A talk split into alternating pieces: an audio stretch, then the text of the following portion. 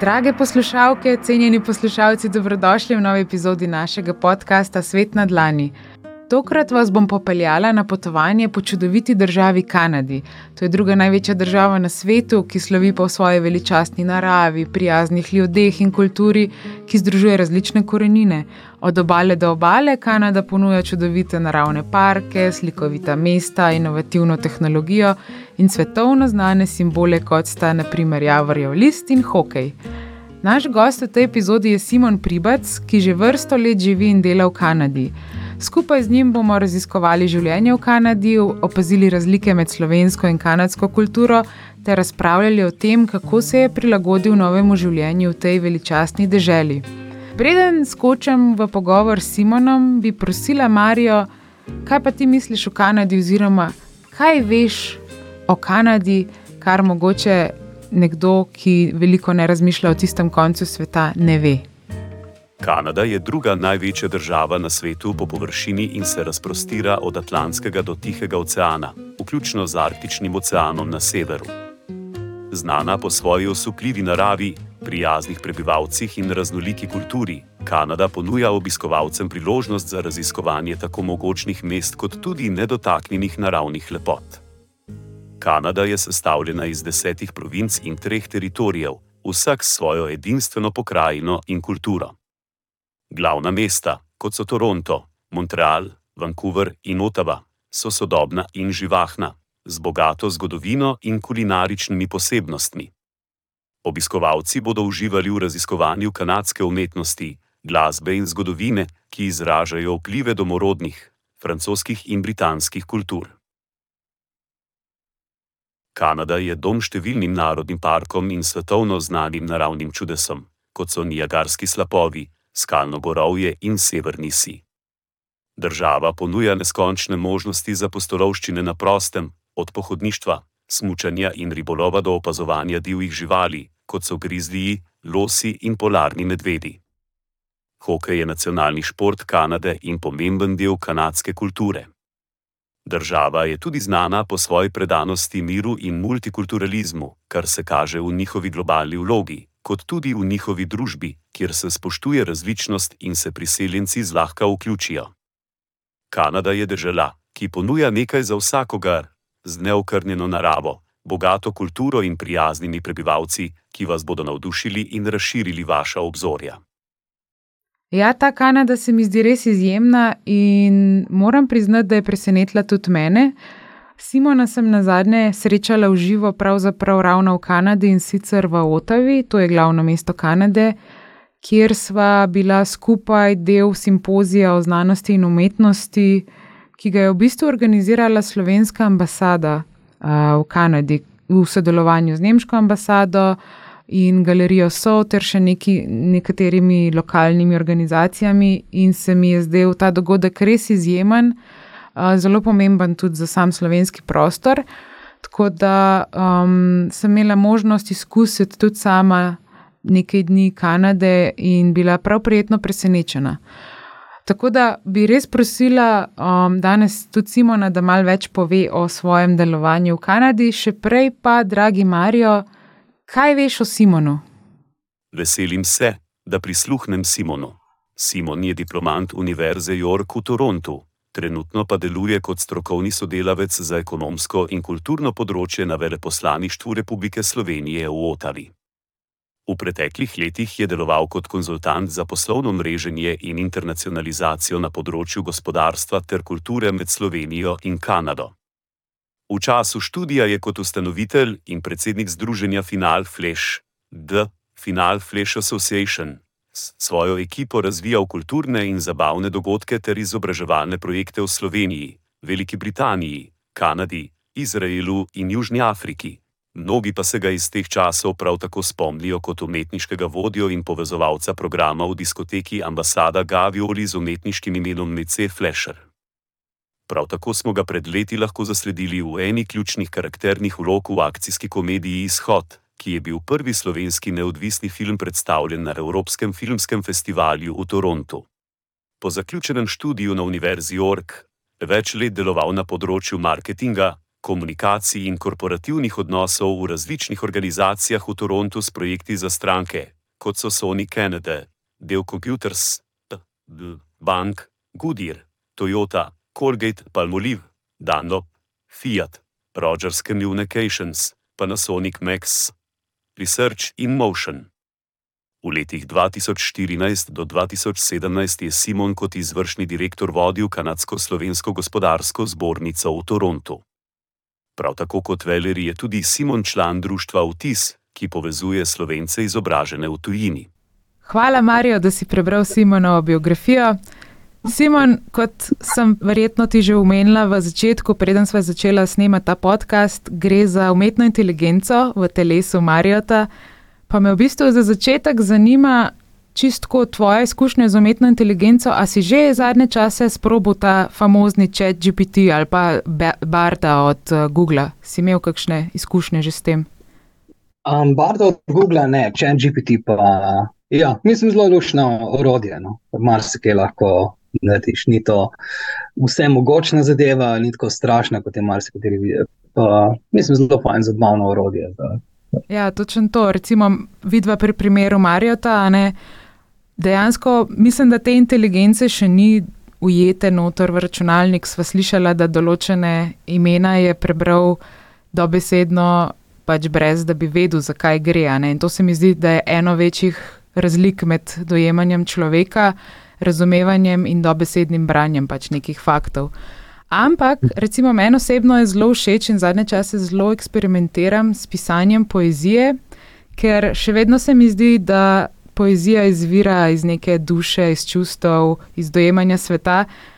Me pa na momente preseneča tudi ta umetna inteligenca, kako kreativno črpa iz nekih virov pač dejstvo, da piše poezijo. In tudi tokrat sem prosila Marijota, da napiše eno kratko poezijo, ki je inspirirana s tvojim življenjem, s tvojo biografijo. Tako da, Marijo, prosim, če poveš, kako te je Simon navdihnil za pisanje poezije. Simon Pribac, duša raziskovalna, Univerza York mu dala je moč kreacije. Kot konzultant zdaj plete mrežo vezi v gospodarstvu, kulturi, svet presega meje. Ustanovitelj, vodja, zagnan kot nihče, projekte so ustvarjal na poti mnogih dežel. Ambasada Gavioli, o čem lepši svet, povezoval je srca, umetnost in razplet. Toronto mu zaupal, Simon ustvarjal je na področju marketinga, odnosov in idej. Kanadsko-slovensko zbornico vodil je z Elanom, gospodarstvo in kulturo povezal prek oceana. Na ambasadi zdaj stoji povezovanja mojster, gospodarski, akademski in kulturni most gradi. Med Kanado in Slovenijo, Simon veča si, dva naroda povezuje, skupaj do novih dni. Skupaj do novih dni. To je Marijo res pesnil, eno tako. Tak meš-up tvoje biografije in vsega teh nekih inspiracij. Jaz, recimo, sem opazila zadnje čase pri umetni inteligenci, da so vsaj ta model šterko, če GPT dal notor ogromno nekih takih moralnih navodil, pa pozitivnih motivacijskih misli. Tako da mi je v resnici prijeten, pa zanimiv. In zdaj, če uporabim ravno te njegove aspiracije, kako ti kot slovenec, ki živi v Kanadi, kako bi rekel, komentar na to, kar je tudi Marijo povedal, da povezuješ dva naroda. Kako vidiš v bistvu to svojo vlogo trenutno, ki si se pravi, zdaj si na ambasadi, ne v Kanadi, v Otavi, če lahko malo več o tem poveš? Tako je. Ja. Zdaj delam na veleposlaništvu Slovenije v Otavi, kjer sem odgovoren za povezovanje Kanade in Slovenije, eh, primarno na gospodarskem področju, pa tudi na eh, kulturnem in akademskem, poleg eh, gospodarskega. Kako vidim to uh, povezovanje dveh narodov? Um, ne vem, meni se zdi to tako, uh, veš, veliki, meni je to tako uh, naravna stvar, da je ne vidim kot nekaj posebnega, vidim kot ena stvar, ki vem, že zadnjih 20 let počnem, tudi brez da bi jo z namenom počel. Ja, pač stvar, ki se dogaja. Če se mal navežem na pač tvojo biografijo, pa tudi tvoje izkušnje ne, iz preteklosti, uh mhm. -huh. ne morem mimo ambasade Gavioli. Tako da domnevam, da že v tistem času, verjetno si bil aktiven zelo v tem povezovanju, se pravi, tudi organizacija uh, dogodkov, pa potem delo z vsemi temi umetniki, avtori. A lahko mogoče malo več poveš, kaj se je takrat dogajalo? Ja, ambasada Gavioli je bila zelo mednarodna inštitucija. Mi smo zelo delali, pač delali smo za celim svetom takrat. No. Um, ogromno z, z drugimi evropskimi državami, z Japonsko, z Ameriko. Predvsem, bila, predvsem je bila Evropa, plus Japonska, plus Severna Amerika, v glavnem ZDA in Kanada. Um, tako da sem bil. Ja, ja, že takrat sem bil v stiku z. Že takrat sem bil v dnevnem stiku no, z uh, mednarodnim prostorom. Uh, ne samo z umetniškim, tudi povezovali smo se takrat z uh, veleposlaništvi. Recimo, takrat sem prvič prišel v stik z uh, diplomatskim svetom, uh, ko se bo treba tudi z različnimi veleposlaništvi uh, držav povezovati za projekte, ki smo jih imeli in so potem pri nekaterih stopili zraven. Se je tudi zgodilo, da so nas povabili v katero državo predstavljati uh, projekte, ki smo jih delali v ambasadi Gavioli. Zelo zanimiva izkušnja, ki mislim, da je bila ena zelo zanimiva odskočna deska za naprej. Uh, sam sem bil pa s Kanado povezan že prej. No. Jaz, ko sem bil majhen, je babica živela v Kanadi in sem imel na zidu v sobi sliko od CN Towerja, ki je bil takrat najvišja stavba na svetu, in od Ontario Place. Ontario Place je bil pa odgovor Toronta na Expo Montrealu, ena ogromna struktura uh, na obali jezera Ontario. Uh mhm. -huh. Ki je vsebovala zabavni park, prizorišče za dogodke, koncerte, marino, prvi IMAX kino na svetu. Tako, to je bil en takšen bom, no, tudi arhitekturni presežek v tistem času, ko se je to naredil. In to sem jaz skozi sobi in sem to gledal, ah, tam pa babica stanuje v tem delu. In dejansko ta prvi job po univerzi je bil v Ontario Placeu. Zanimivo, ne? kot da bi dala en program babica. Ja. Če se vrnemo k babici, kako to, da je babica v bistvu šla v Kanado, oziroma kaj, kaj je zgodba za tem? Aha, um, njene hčerke, sta, dve sta bili v Kanadi. Ona je imela štiri otroke, od tega dva sta bila v Sloveniji, dve sta se pa preselili v Kanado, ampak njen oče se je preselil v Slovenijo iz uh, Amerike, mislim, da je živel v Ohaju. Um, ne vem, koliko let je on živel v Ameriki. Wow. Um, in potem, če gledamo tudi nazaj, uh, so njeni sorodniki bili nekako med Severno Ameriko, Kanada, pa Združene države, pa Slovenijo trenutno. Ja, ker... Ni nič novega. Meni osebno je zanimivo, ker se mi zdi, kot da ima vsaka slovenska družina neke sorodnike v Kanadi, če tako zdaj razmišljam za nazaj, ali pa v Ameriki. In ja, verjetno je to podobna generacija, ki je takrat odhajala čez lužo, pač v iskanju boljšega življenja, domnevam, tudi tvoja mhm. babica. Ja. Um, več valov slovenske migracije je bilo v Severno Ameriko. Um, zdaj, ona je šla bolj zaradi. O, moja babica je šla bolj zaradi svojih uh, otrok, tam no, je šla svoje punce, svoje črke obiskati in je tam živela nekaj časa in je uh, moje bratrance in sestrične vzgajala od malega, in potem se je pa vrnila, uh, ko se je rodil moj brat, se je pa vrnila v Slovenijo. Kako je pa v bistvu, ko si ti prvič v Kanado, kaj se, kaj se spomniš, kaj je bilo tisto najbolj, kar te je impresioniralo, ali pa kaj se ti je zdelo, da je tako drugače kot recimo v Sloveniji? Prvi spomini na to pot. Mhm. Kaj je bilo drugače? Te, uh, veš kaj, arhitektura, te visoke stavbe, ko si prišel, je to wow. Wow, te nebotičniki, pa te uh, široke avtoceste, po 16, pa so 18. Wow, wow. Jaz sem vedno mislila, da je ta famozna Route 66 ne, v Ameriki, ampak v resnici hm? naj bi bila najdaljša uh, cesta, se pravi Trans-Canada Highway, in je dolga tam, mislim, da skoraj 8000 km in povezuje vzhodno in zahodno obalo države. In to mi je tako, wow, hm? nisem niti vedela, ker sama moram priznati, da se o tem smo se tudi pogovarjala, se mi zdi enkrat eh, pred časom, ko smo se srečala. Da, da se mi je Kanada vedno zdela tako majhna država, nekje na severu Amerike, ampak noro, kaj odkrivam zadnje čase, res ogromna država. Ja, Kanada je ogromna. Rej, samo provinca Ontario je velikosti cele zahodne Evrope. Uh, imaš pa tudi mesta v Kanadi, recimo, ki so bliže Ljubljani kot pa Vancouverju, ki je v isti državi. Recimo, recimo St. John's na vzhodni obali, to je tako primerne. Bliže Ljubljani kot Vancouverju, čeprav je Vancouver v isti državi, uh, ti lahko pove, kako je to ogromna stvar. Ja, no, to je še ena stvar, ki, pa, uh, ki me je impresionirala po prihodu v Kanado, ena prvih stvari tudi, kako je Toronto multikulturno mesto.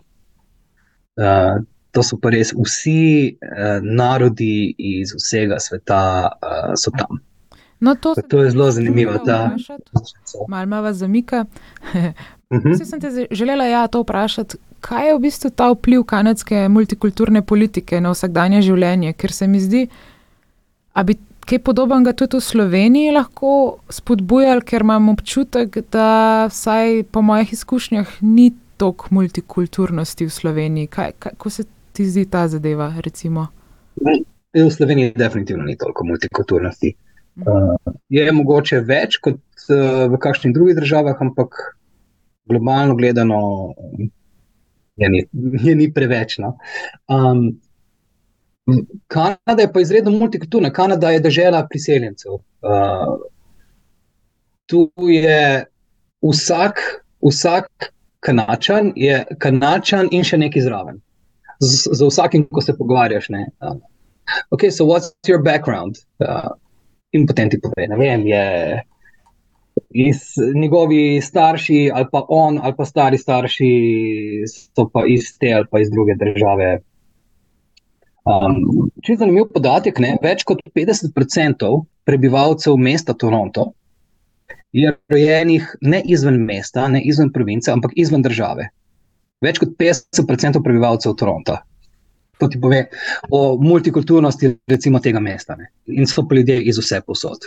Tukaj opažam, zdaj, ko sem v Los Angelesu, pa v Kaliforniji je tudi zelo očitno, da večina ljudi je priseljencev. Mislim, sploh če gledamo zgodovinsko nazaj, dejstvo, da so vsi priseljenci. Ampak noben uh mhm. -huh. velik se mi zdi, tako ko govorim z njimi, pa, pa se vidi, da so različne rase. Ampak noben, ki je veliko ne omenja o tem, da so pač priseljenci, vsaj njihove generacije, ne vem, starih staršev. Ker za razliko uh -huh. z moje izkušnje v Kanadi. Pa sem tudi sama to doživela, da so radi poudarjali, kje so, sploh ko so slišali, da pač jaz nisem, a ne kanačanka. In -huh. je bilo to všeč v resnici, koliko jim je bilo tudi vsem všeč o tem govoriti, a veš, ni, ni tabu tema. In to mi, je, ja. to mi je bila prva taka izkušnja v resnici v tujini, pozitivna. Kanada to dejansko spodbuja, Kanada spodbuja multikulturnost. Uh, tako da so ljudje potem dejansko ponosni na, na to, kaj so še poleg tega, da so kanačani. Seveda, vsi smo tu kanačani uh, in vsi smo tudi neki poleg tega. No, se, to, tako, uh, to se mi zdi res slovenec, pozitivno. Ja. Uh, slovenec se rodiš, kanačen pa postaneš. Um, in, ja, in uh, ni ni pač ena stvar, ki ti je dana. Marsikdo je mogel marsikaj narediti za to, da je postal kanačan na koncu. Mm. Kaj pa je recimo tak življenjski slog, bi rekel, za kanačana v primerjavi s slovencem, tako najbolj tipično, če, če opažaš kakšne razlike? Ja, ja so velike razlike. Um, Slovenija je super komod. Slovenci nimajo, nimajo pojma, kako je komod živeti v Sloveniji. Uh, Marsikdo, verjetno, zdaj, ko to posluša, niti ne verjame, ampak je Slovenija je tako komod, vse je zraven, vse je. Uh, tudi vidiš, recimo, ne, uh, stvari, glede katerih se kdo uh, pritožuje v Sloveniji. Pa, okay, se v Kanadi se zelo malo pritožujejo, na splošno. Ampak uh, je dosti bolj trše življenje vsakodnevno v Kanadi kot v Sloveniji. Um, ampak to vsi vzamejo kot uh, pač normalna stvar. Normalna stvar da, da se voziš po dve uri v službo, v eno smer. Pa, da imaš po dve, tri, dve, tri službe, recimo. Uh, in se noben sploh ne sekira zaradi tega. Ja, pač to tako je. Um, vse je daleč, vse je. Um, v Sloveniji je pa vse blizu, uh, v Sloveniji je vse zelo komodno, se mi zdi, da je ogromno stvari, nekako skoraj na pladnju prinešenih v Sloveniji. V Kanadi se moraš dosti bolj boriti za določene stvari. A misliš, da, da to pač upažaš pol tudi na poslovnem področju, ker imam kdaj tudi sama občutek, ker smo pač vajeni te majhnosti, bližine, da mogoče se potem ne upamo narediti nekega koraka, recimo tudi na poslovnem področju, ker se bojimo, da bo mogoče preveč dela ali pa da bo prevelika stvar. Ja, tu si moraš dati ne vem, tak attitude, da je vse možno in uh, se zagrebi, steniti v akcijo in biti uh, proaktiven in, in uh, biti pozitiven in peljati stvari. V Sloveniji večkrat vidim, da so bili ljudje bolj, bolj pasivni uh, pri stvarih. Če si bil preveč aktiven, je bilo polno že skoraj čudno. Ne, ja, se to, to tudi sama opažam. Ne, zdaj, trenutno sem v tem okolju američanov, recimo, ne rečemo temu.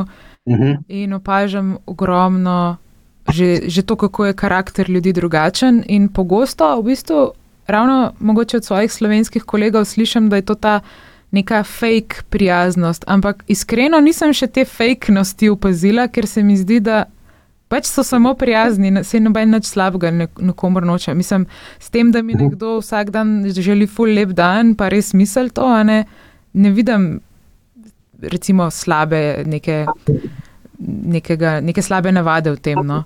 Se mi zdi, da, da je to mogoče nekaj, kar je treba spodbujati in pogrešam mal tega tudi na področju Slovenije, čeprav mlade generacije ali pa moja generacija zadnje čase, ker veliko potujejo, se mi zdi, da verjetno to vpliva na celotno sliko sveta. Tako da imam mhm. pozitiven občutek, kar se tega tiče.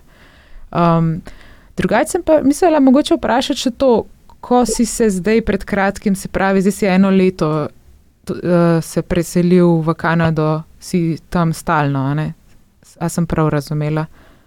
Ponovno ponovno. ja, ja. Kako je bil ta proces uh, selitve v resnici? Kaj vse to pomeni, ker verjamem, da marsikdo, ki ni živel v tujini, sploh ne ve, kaj vse to pomeni.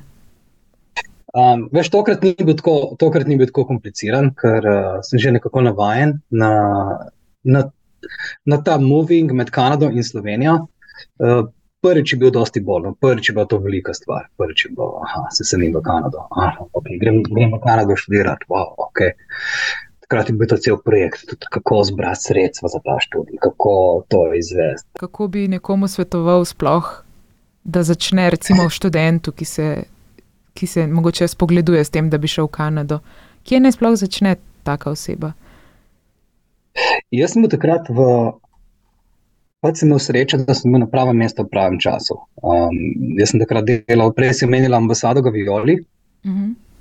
um, jaz sem takrat uh, delal za ambasado Gavioli kot povezovalec programa ja, in kot vodja tega programskega dela.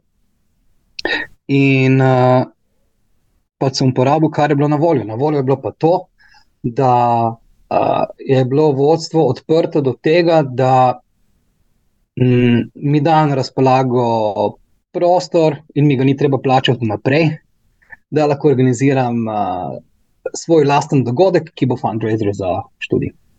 Wow. In potem je ta, ja. in potem je ta dogodek. Ja. In uh, nič, sem organiziral dogodek. Uh, sem zbral uh, ekipo, prijatelje, ki sem mislil, da so, uh, da so sposobni uh, biti del te ekipe. Pač pravo ekipo sem sestavil skupaj in smo začeli. In uh, prvo leto je bilo prek tisoč ljudi, potem prek dva tisoč, potem prek tri tisoč. In ta stvar se je iz enega dogodka uh, postal to festival um, po imenu Final Flash. Uh, potem smo imeli še iz tega naslova, smo imeli potem še različne projekte, še v drugih državah, še v Izraelu, še v Veliki Britaniji, v Južni Afriki uh, v Kanadi tudi. Tako da potem je to ena ratna tašna ja, stvar v večjih državah, se nas je en kup vključilo notri. Uh, in v okviru tega projekta so se dogajale potem zelo zanimive stvari. Ne. V enem momentu nas je povabilo Izraelsko ministrstvo za kulturo, šport in izobraževanje na njihovo mednarodno konferenco v Tel Avivu, in uh, potem tam se je napletlo en kup uh, zanimivih kontaktov. Um, smo imeli potem tudi stanovanje z določenimi uh, umetniškimi akademijami od tam. Ta tvoj korak oziroma odločitev, da bi reč študiral v Kanadi, da bi šel v Kanado, je v bistvu sprožil celo snežno kepo dogodkov. Tako je. Ja. Tako. Um, potem smo imeli tako mednarodno ekipo, ne? en je bil v eni državi, drug v drugi, tretji v tretji, in to je bilo 20 let nazaj. Takrat smo mi delali na tak način, kot, se, kot je zdaj normalen, da se dela preko, da delo poteka nadaljavo preko Zuma. Mi smo delali takrat 20 let uh, nazaj. Sicer takrat nismo imeli Zuma, smo imeli druga spletna orodja. Um, ampak uh, ja, vsak je bil v svoji državi, v svojem kraju, in potem enkrat na leto smo vsi leteli v Slovenijo in izvedli ta projekt na terenu. To je bilo, to je bilo takrat pol velik dogodek. To se mi zdi, kako, um, kako se v bistvu iz neke take želje, močne želje, lahko marsikaj naredi. Ampak najbolj se mi zdi ta pogum, ta tist, veš, da sploh se odločiš, ok, zdaj pa to je to, jutri to naredim in da dejansko stvar izvedeš. Da, mhm. mislim, da je to ena taka vrlina, ki je pač nekaj, kar se mora vsak naučiti, ali pa vsaj iskati neke zglede v svetu, da res si upamo iz cone obdobja. To je cona obdobja, dobe se. Ja, ja, ja. ja. Tako da mogoče je res plakat od babice ti dal neko tako podzavestno motivacijo že iz otroštva, na nek način, mogoče Možno. vizijo. Možno. Možno. Uh, je pa tako, veš, niso te stvari, niso to lahke stvari.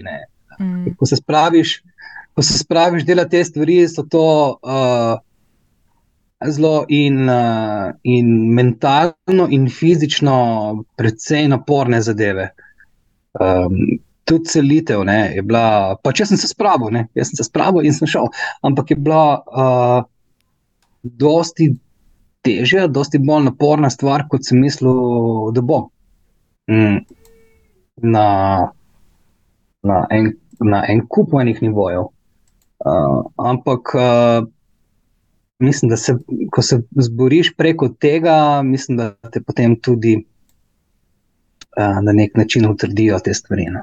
Kako se ti pa zdi, jaz tudi sama, recimo, um, se pogosto selim oziroma grem zaradi projektov tujino.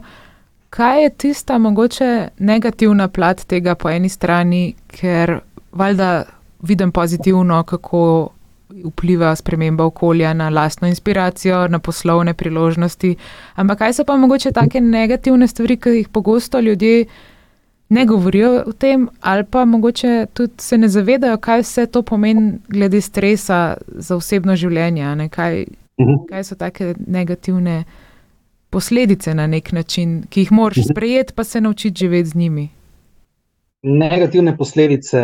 Pač ni, veš, ko si v enem kraju, je vse skupaj zelo stabilno. Hmm. Tam je to, tam je to, tam je ta oseba, tam je ta oseba, s tem imaš tako odnos, s tem imaš tako odnos. Uh, tu polk enkrat to zgine, ni tega.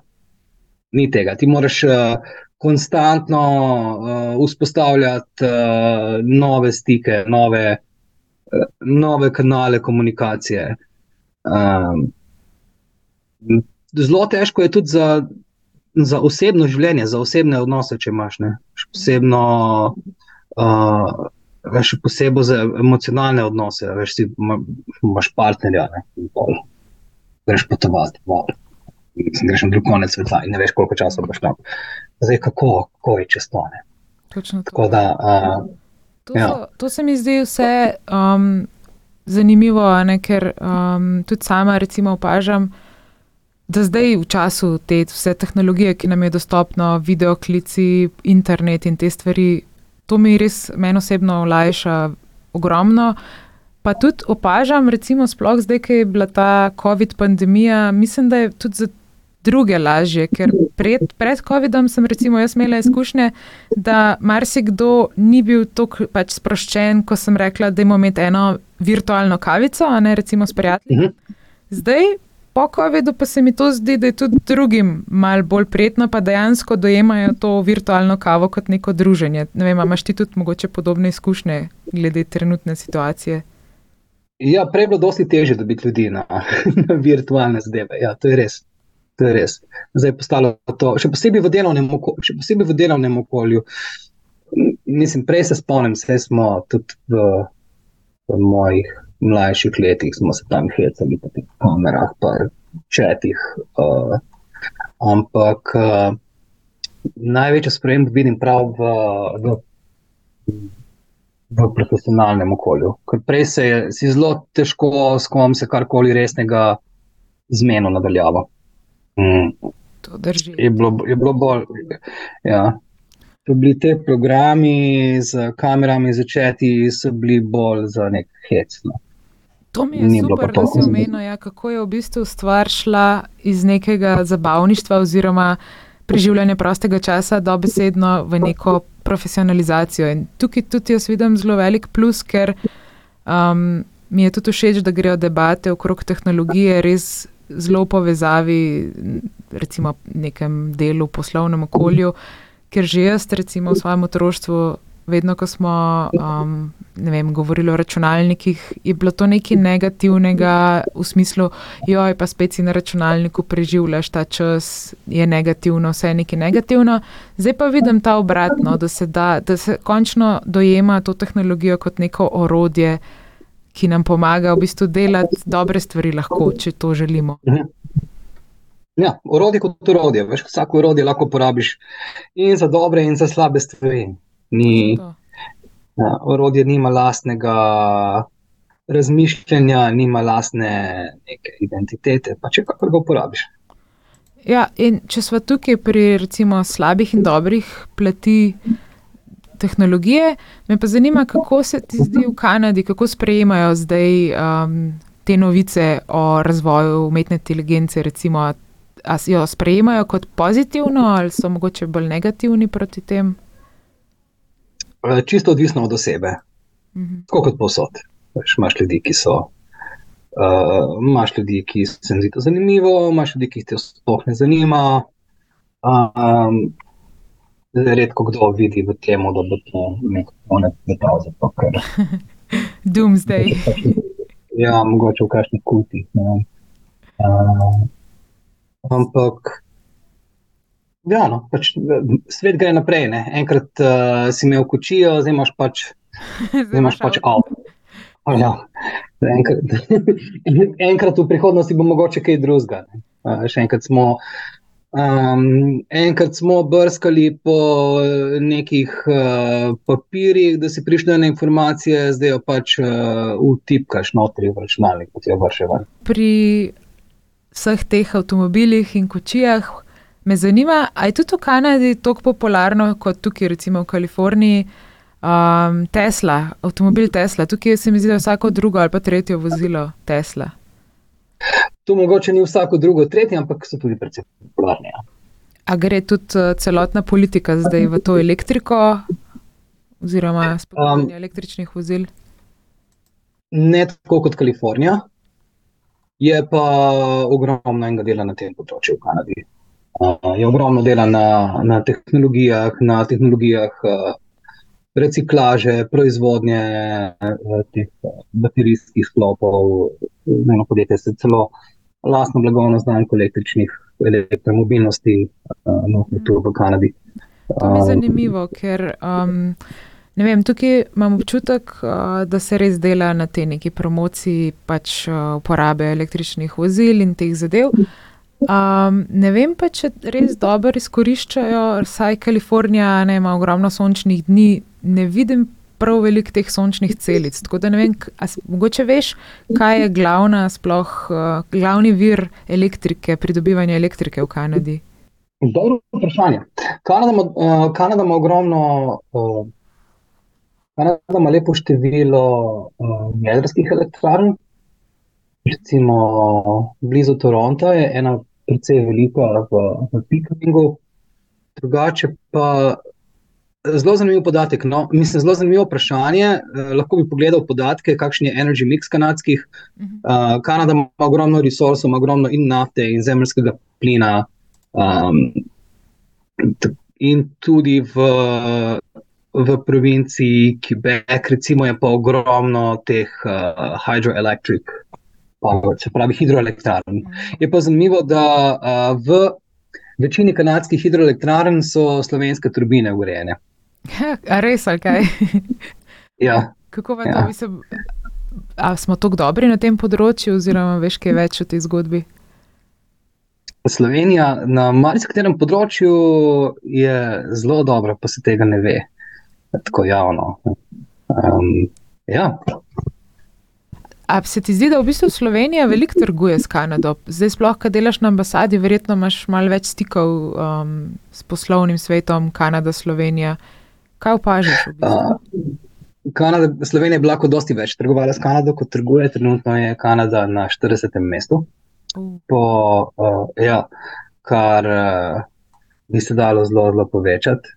Še posebej zato, ker imamo zdaj v začasni veljavi sporozum CETA med Kanado in Evropsko unijo, ki odpravlja večino carinskih dejatev, ki ponastavlja poslovanje. Um, dejansko je šlo gor, no, odkar je ta sporozum v, v veljavi. Uh, je pa tu še ogromno enega potencijala. Moram vedeti, da je to ena tašna ogromna država.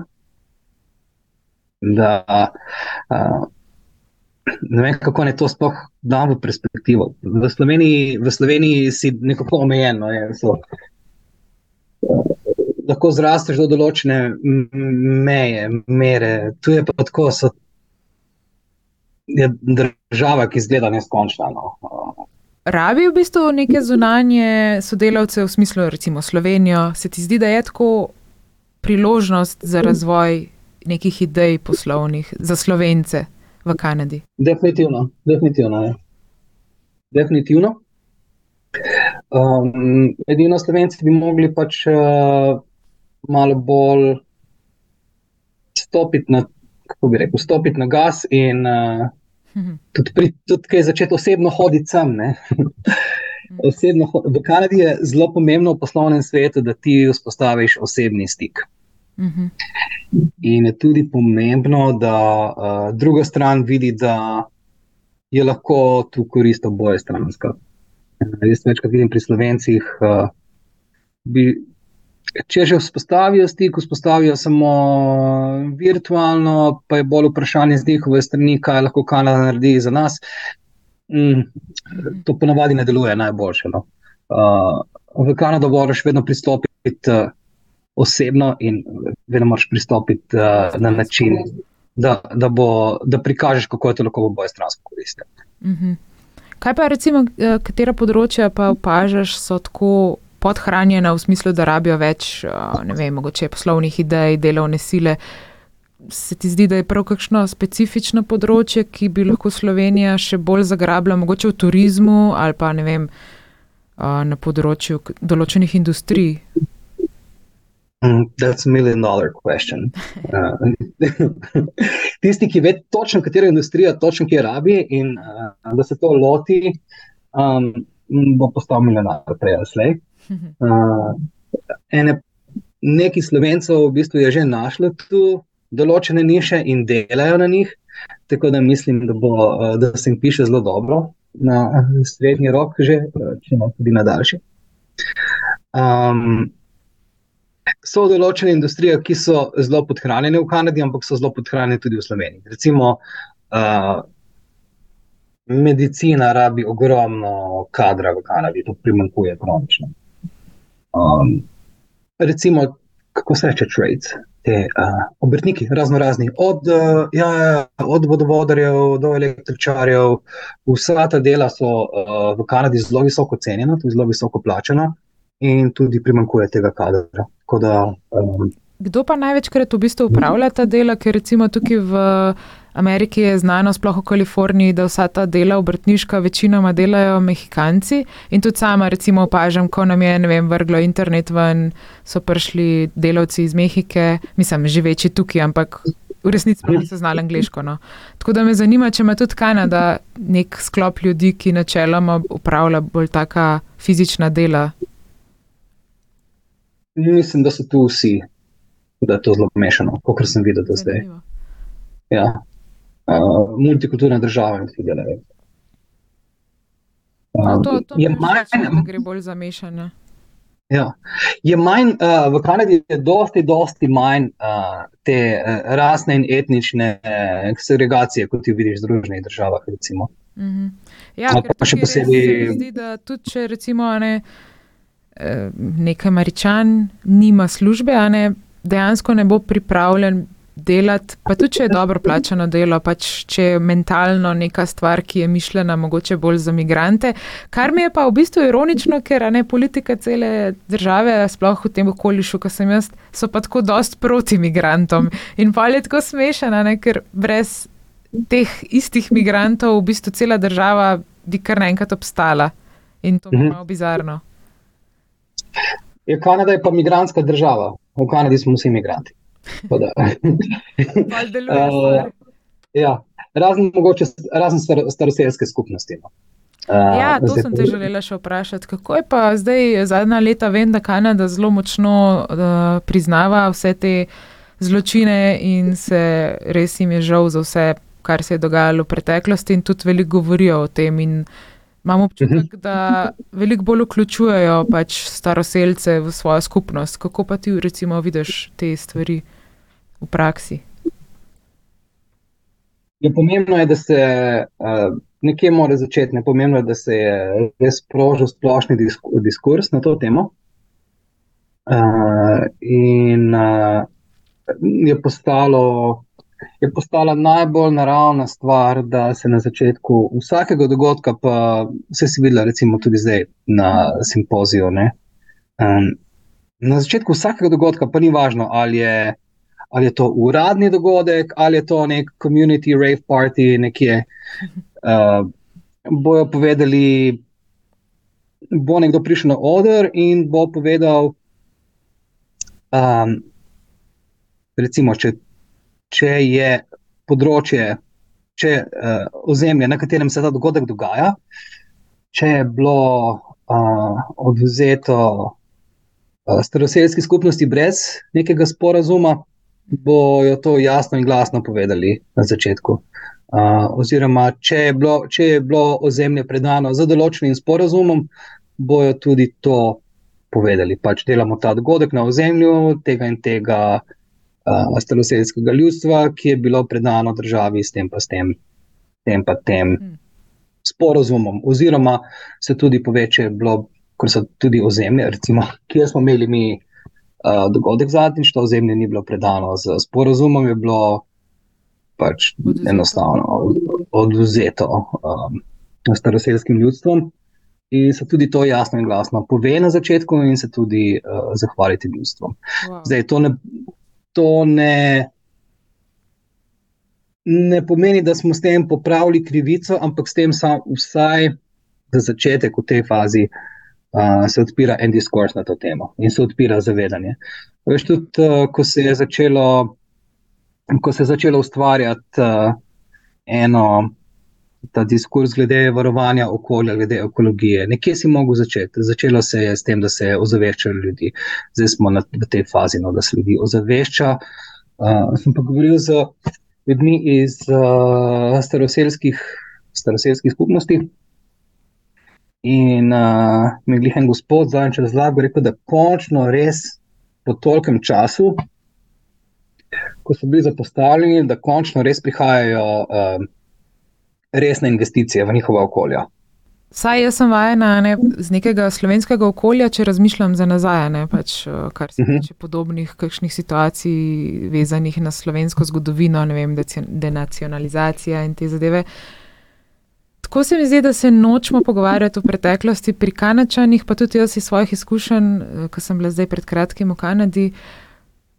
Smo se brez težav pogovarjali o tem, in se mi ni zdel to tak tabu, kot mogoče so določene podobne teme ne, v naši okolici, še vedno, ker gre mhm. za zelo močne debate. Druga stvar, pa, kar mi je še tako meni osebno bila mal šok na nek način, ko sem prišla v Kalifornijo in začela tukaj znotraj Chapman University tudi uh, obiskovati določene predavanja oziroma delati študenti. Kako je ta, um, recimo, tudi pri njih zavedanje o staroseljcih, pač manj kot kanačani delajo na tem, se nekako trudijo tudi. Ne? Ampak šokiralo me je to, da jaz sama kot neka evropejka ful nisem imela znanja o teh stvarih. Tako ker zdaj se mi, da to je eno poglavje zgodovine, kot noč ne vem. Mi se tako nikoli v osnovni šoli nismo pogovarjali sploh o tem. Omenjali smo nekje mogoče čist mimo grede, da so neki indijanci obstajali, ampak iskreno tega znanja sploh nimam in kar se Kanade tiče, imam občutek, da še manj vem kot uh, pač o staroseljcih tukaj v ZDA.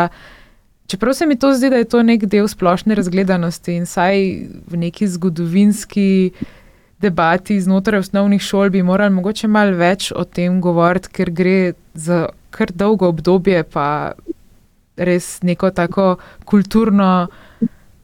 Kulturni pečat, no, ki ni samo vezan čist na neke lokalne kraje, ampak na veliko več, kaj to pomeni, odvzem identitete ljudstvu, potem kar grabljenje neke zemlje in vse to. Tako da mislim, da imamo mogoče v Evropi malo premalo znanja o tem, oziroma Kako pa ti misliš, da slovenci gledamo na te zadeve? A mogoče se ti zdi, da sploh vemo za to? Mislim, da je zelo malo informacij o tem v Sloveniji. Moram pa tudi vedeti, da tudi v, v Kanadi ni bilo toliko ozaveščanja na to temo, kot bi lahko bilo. Recimo, mene je šokiralo, ko smo na faksu imeli umetnostno zgodovino. In predmet je bil umetnostna zgodovina, ne evropska umetnostna zgodovina. Ampak dejansko smo se učili samo evropsko umetnostno, evropsko umetnostno zgodovino. Jaz sem bil. Uh, Kanadska se je začela pri Group of Seven. Ne vem, če poznaš to, to je bila, uh, to je bila slikarska skupina. No, to je mogoče debata za kakšen drug podcast o kanadski, no, uh, kanadski kulturi. Ja, ja. na omeniti. Uh -huh. um, ja, zelo zanimivo. No? Uh, čeprav verjetno sem imela staroseljska ljudstva ogromno ene svoje umetnostne zgodovine še predtem. Ampak uh, mi smo se. Je bilo isto, ali si ti na, na faksu v Sloveniji, kjer mi je čisto jasno, zakaj bi predvsem evropsko umetnostno zgodovino obravnaval, ali pa v Italiji, ali pa v Nemčiji, kot pa potem na drugem kontinentu, bi pričakoval, da se vsaj en del te zgodovine z tega kontinenta obravnava. Ampak se, se ne. Se ne, je začela od zadnjih. Že pri teh zanimivostih o Kanadi, ne? Marijo mi je prišepnil enih pet zanimivosti, pa me zanima, uh mhm. -huh. če si že slišal za njih. Tako da, Marijo, kaj je recimo prva taka zanimivost o Kanadi? Kanada ima svojo različico Loch Nessa pošasti, imenovano Ogopogo. Ta mitsko bitje naj bi živelo v jezeru Okenegan v Britanski Kolumbiji. Legenda pravi, da je Ogopogo dolg, kačast in ima grbine na hrbtu, številni prebivalci pa trdijo, da so ga videli. Ne, nisem še slišal za to pošast. Ne, dejansko, čakaj, ne, ne, ne. Že sem bral nekaj na to temo. Te, ja, loka, ja, ja, lokalna turistična zanimivost. Um, no, Marijo, kot umetna inteligenca, očitno je prišla tudi do njega, ta ogo pogo. In jaz mhm. prej iskreno nisem še slišala za to, ampak ja, domnevam, da so to neke take lokalne zanimivosti. Uh -huh. uh, no, Marijo ima še zanimive neke ideje, ki dejstva v Kanadi in recimo tole zadevo pravi. V Kanadi se nahaja mesto St. Louis duha. Ha. To je edino mesto na svetu, ki ima dva klicaja v svojem imenu. Ime mesta izvira iz starega arhajičnega francoskega izraza, ki opisuje oviro ali ovinek, kar se nanaša na bližnje jezero Tmiskavata. Ne, to pa res ne. Super. v Quebecu. Ja. Treba... Quebec tu, eh, veš, zdaj, zdaj, ko se pogovarjam s tabo, gledam Quebec čez okno. Ga vidim oh, čez balkon. Kaj, sem v Ontariju. Opišeš za poslušalce. Uh, vidim en del Otave, potem vidim reko, Ottawa River, z mostovi, ki grejo čez to reko, in na drugi strani je provinca Quebec, ki je pa francosko govoreča provinca. Uh, to je, ko greš iz ene province v drugo, je tako, kot da bi šel iz ene države v drugo v Evropi. Kako Pač pa oni meje, ne. sploh to v vsakdanjem življenju uporabljajo, ker je dejstvo, da sta se pravi francoščina in angliščina uh, uradna jezika, a imam prav? Uh -huh. Tako je. Ja. V provinci Ontario prevladuje angleščina, v provinci Quebec je pa za zakonom uzakonjeno, da mora biti eh, francoščina absolutno na prvem mestu. Mm. Se pravi, verjetno domnevam, da se kanačani že zgodaj učijo v bistvu oba jezika. Tako je. S tem, da uh, v Otavi bo dosti ljudi vedlo, bo dosti ljudi znalo oba. Če greš pa zahodneje, pa redko kdo še zna francosko. Um, Moš pa v provinci Quebec dela, kjer pa ljudje ne znajo angliško, pa znajo samo francosko. Mhm. Potem imaš pa recimo provinco New Brunswick, ki je pa totalno, ki je pa polno dvojezična, kjer pa večina prebivalcev govori oba jezika. Ja, to je bilo tudi meni recimo, ena taka zanimiva izkušnja zdaj na simpoziju v Otavi, ker eh, pač imamo v angleščini malo tega slovanskega naglasa, valjda. In zvečer, ko smo imeli ta druženja, pa je mogoče se par kanačanov malo bolj napil in avtomatsko, ko so bili mal vinjeni, ko so slišali, da imam nek naglas, so preklopili na francoščino in z mano francosko začeli govoriti, čeprav sem jim rekla, da jaz ne, ne razumem niti francosko, kaj še le govorim. Ampak avtomatsko res se mi je to začelo dogajati, tako da ne vem, imaš ti mogoče tudi kakšne take podobne izkušnje. Ja, še posebej v Otavi. Ja. Je tašno mesto. To, Ja. to mi je bilo tako zelo simpatično, no? kaj tazga še nisem Mm. Tu se mi večkrat to dogaja. Ja. A si bil mogoče, Marijo mi je povedal, da menda je zelo popularno v Kanadi neka priljubljena igra na srečo, ki se imenuje Meat Draw, žrebanje mesa. Si mogoče že slišal za to? Ne. No, Marijo, kaj to sploh pomeni? V Kanadi je priljubljena igra na srečo, imenovana je Midro, žrebanje mesa. Udeleženci igre kupijo vozovnice za žrebanje, nagrade pa so različni kosi mesa. Ta tradicija izvira iz dobrodelnih dogodkov, ki so jih organizirali vojaški veterani, danes pa se Smith Draw pogosto odvija v lokalnih barih in klubih po vsej državi. Interesting. Ej, mislim, Marijo je zelo dober pri črpanju teh podatkov. Ne vem, kje jih najde, ampak Ej, no. Marijo, bravo. bravo. Čast. Ja, ja, ja. Dobra, ta umetna inteligenca. No, in zdaj, Um, v bistvu nekaj bom odprla pred mikrofonom, boš slišal, čakaj. Uh -huh. Ne vem, če si slišal, odprla sem si piksno ene pijače, ki sem jo v bistvu ni kanadska, ampak prvič sem jo probala zdaj v Kanadi in sicer cream soda. A si mogoče že kdaj pil to zadevo? O, ja, večkrat ja. Ah, evo, sem si jo prvoščila. Uh -huh. Nisem še nikoli tega prej pila, preden sem to odkrila v Kanadi in zdaj sem našla to tudi v Ameriki. Uh -huh. Jaz sem bila tako malo radovedna in sem šla gledati, če lahko to tudi v Sloveniji kupam. In sem ugotovila, da ne. V resnici tega ni Ne. v Sloveniji, čeprav sem mislila, da je to neka taka generična pijača, tako kot Coca-Cola ali pa kaj. Tako da kaj recimo kanačani še tazga pijejo, ker krim soda sem opazila, da je tudi marsikdo imel v rokah. A si probala kdaj piti float? Mm -mm. A je to okay. Mogoče Coca-Cola s sladoledom? Ja. Oganla. Oziroma, niti ni, ponov- niti ni Coca-Cola, ponovadi, ponovadi je root beer. A, ja, kaj je v bistvu ta root beer sploh v slovenščini, ko me kdo vpraša, ker tukaj tudi dosti root beer pijejo, pa sploh ne vem, kako to prevesti. Ne vem, tudi jaz ne bi vedel. Ne vem. Koreninsko pivo, pa ni pivo, je bolj, je bolj koli podobno, ampak ni, ampak ni kola, ker ima bolj po nekih. Ampak ima alkohola, ne? Ne, nima alkohola. A, nima. Ne, ne, to je, ne, ne, to je pač. Ja, to je na istem nivoju pijača, kot je Coca-Cola, Fanta, pa pač te z mehurčki. Ne. Um, A, pa verjetno malo podobno tem krim soda. Tako da mogoče za poslušalce, da omenim, kaj sploh je krim soda, ker sem to šla pol malo raziskovati. Uh, to je v bistvu mešanca v osnovi, iz česa je sploh nastala, zdaj to je tako vse umetno, ne tako le v piksni.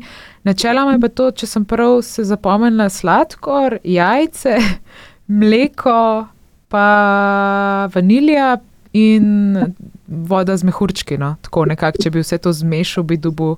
Mogoče je malo na jajčki, mm -hmm. ker celo spominja okus. Meni je tako zanimivo, ko je neka taka sledica z mehurčki tekoča. Um, prijetna, pa še občasno, pa všeč mi je, da nima kofeina. Uh, jaz si kupam varianto brez sladkorja, tako da je z umetnimi sledili, kar načeloma pravijo, da je varno. Zdaj ne vem, jaz to si pač privoščam malo, ne upam, da ne, ne na račun zdravja, ampak mogoče malo boljš, kot da se na, napolnim zdaj s cukrom.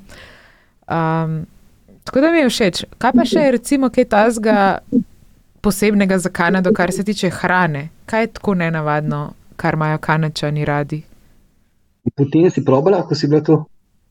Kaj, če še enkrat poveš, prvič slišim? Putin, Putin. Ne, ja. ne poznam. To je tipična kanadska zadeva, uh -huh. tipična uh, kibeška zadeva. No? To je kot, uh, bi rekel, kot pomfri, v bistvu je pomfri, ja. in če imaš uh, uh, stopljen sir in omako, ja, gravy. Sem, sem videla, ja. Ja, nisem pa ja. ta omaka med, ko oh, ne morem.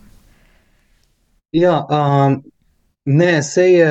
Uh, vse je dobro, ampak. Eh, to se pravi, kanačani načeloma tako dobro. Zelo težka zadeva. Pa še en sir, mogoče tako, če si predstavljamo splošno prehrano kanačanov. Splošna prehrana ja. kanačanov je prehrana vseh ljudstev, ki živijo tu v Kanadi. Da, um, mix, mix, vse je. In vse je, pač, ja, vse. Pravijo kanačani, mogoče, um, če si kdaj jim komu dal kakšno slovensko jed, mogoče potico. Je kdo že probo potico od tvojih znancev v Kanadi? E, lih prejšnji teden. Kaj pa pravi? Lih prejšnji vikend. Uh, wow, super, to je pa nice. Ja. Um, škaj, v, v, tukaj imamo zelo veliko slovensko skupnost in so imele gospe v Torontu. Uh, včasih imajo tekmovanja, včasih pa naredijo čistko. Uh, včasih imajo v Torontu tekmovanja, da je potica challenge. In se grejo.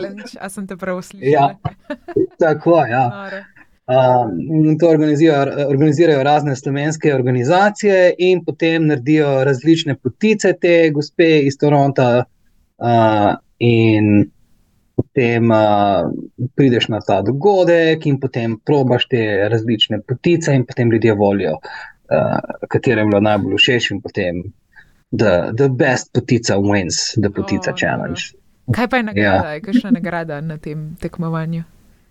I don't know, more potica ali more vino. potica for life, doživljenjska potica. ja, I don't know, ne vem, ne, vem, ne vem, kaj je nagrada.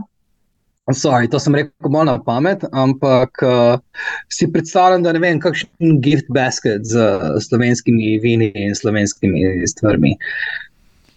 To imaš večkrat v teh.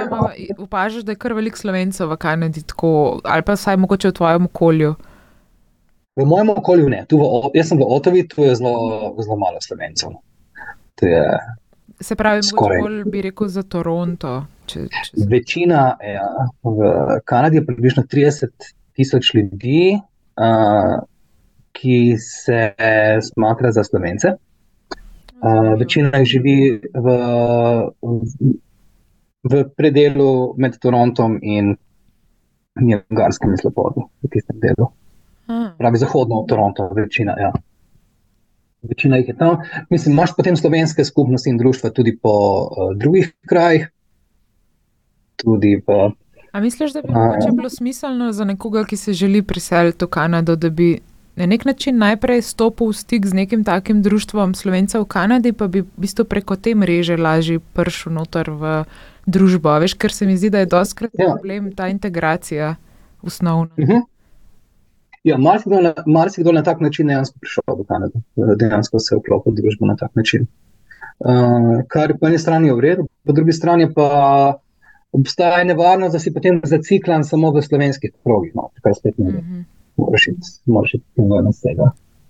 To um, je, pa, je pa občutek varnosti, da imaš uh, to slovensko neko okolje nekje, ne, ko veš, da greš. Lahko do njega. Je pa en tak. Ja, meni je tako recimo zanimivo, ko potujemo, ne, pa na začetku vedno, če, če gremo v neko državo, imam par tednov ali pa mogoče mesecev, ker raziskujem vse mi je novo, ampak pol pa začnem opažati, da kar sama tako malo avtomatsko iščem mogoče kakšne namige, ki me spominjajo malo na Slovenijo.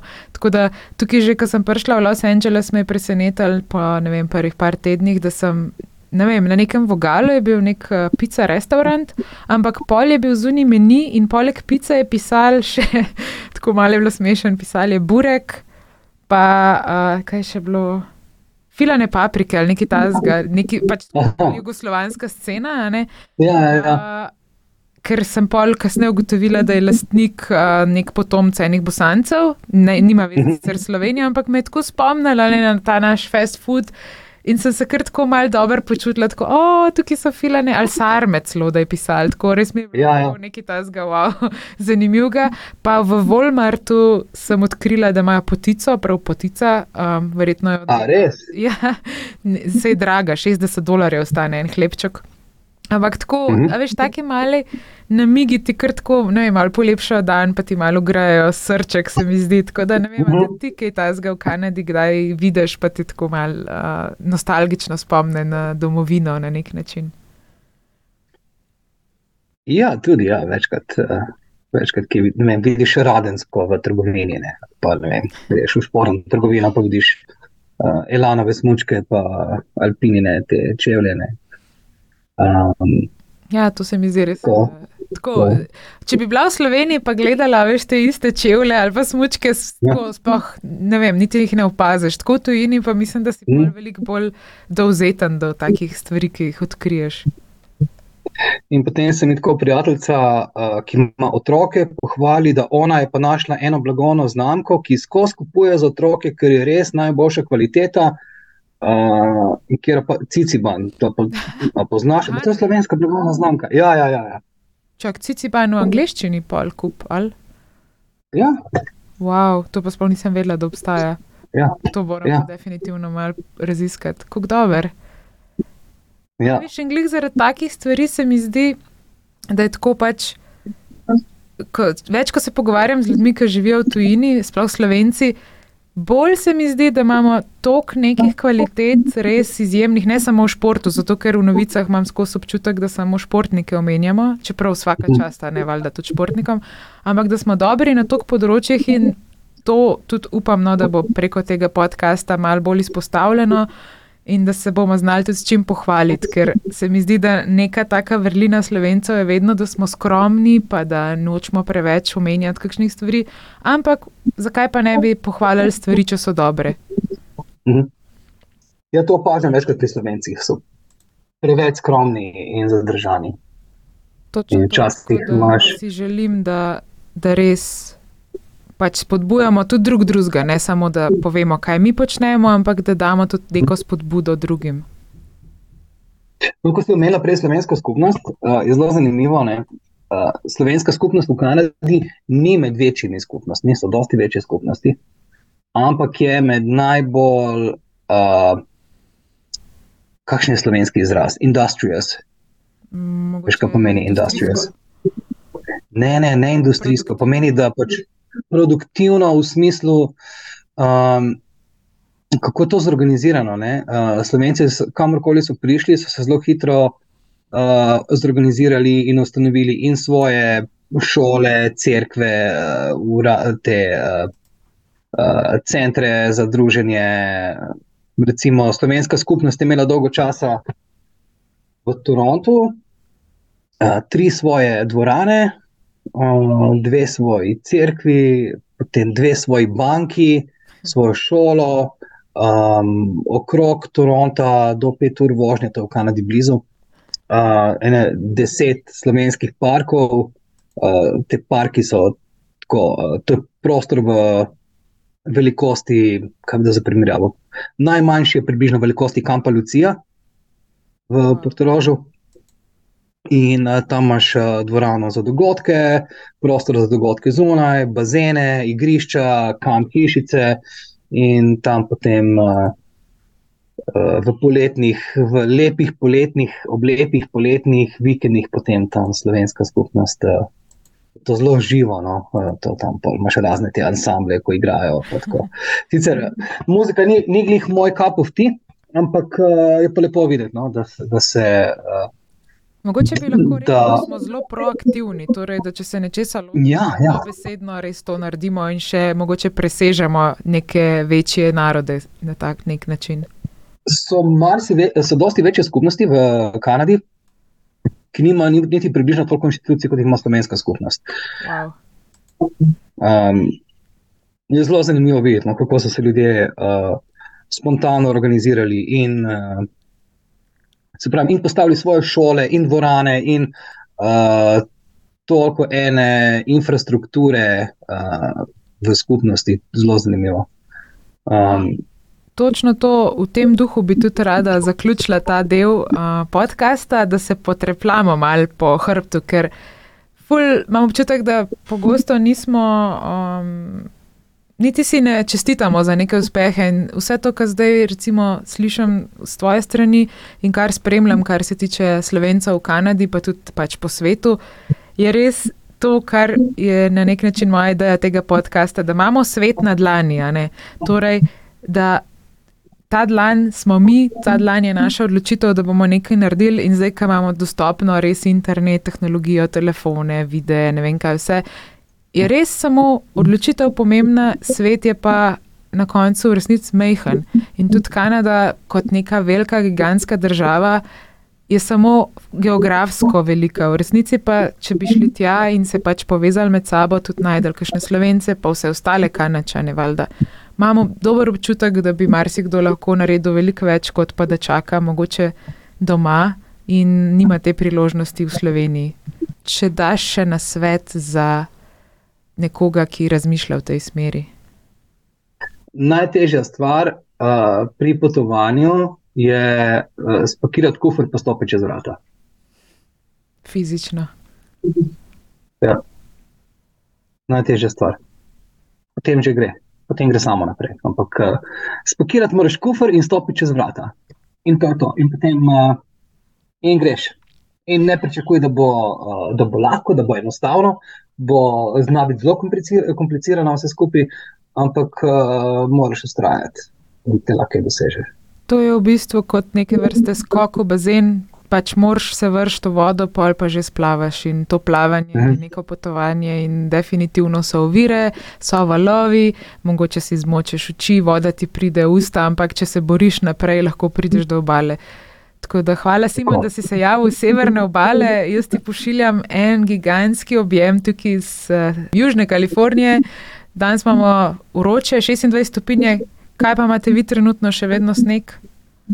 Ne, mislim, imamo še sneg, ki se topi, ja, ampak uh, veš, šlo danes čez 20 stopinj in danes je uh, kratki rokavi, kaj na vreme. Pomlad trka na vrata pomlad trka na vrata. Prejšnji teden smo imeli žled, danes smo pa v kratkih rokavih. Hvala, Simon, lepo se meji in sva na vezi. Hvala, Valerie.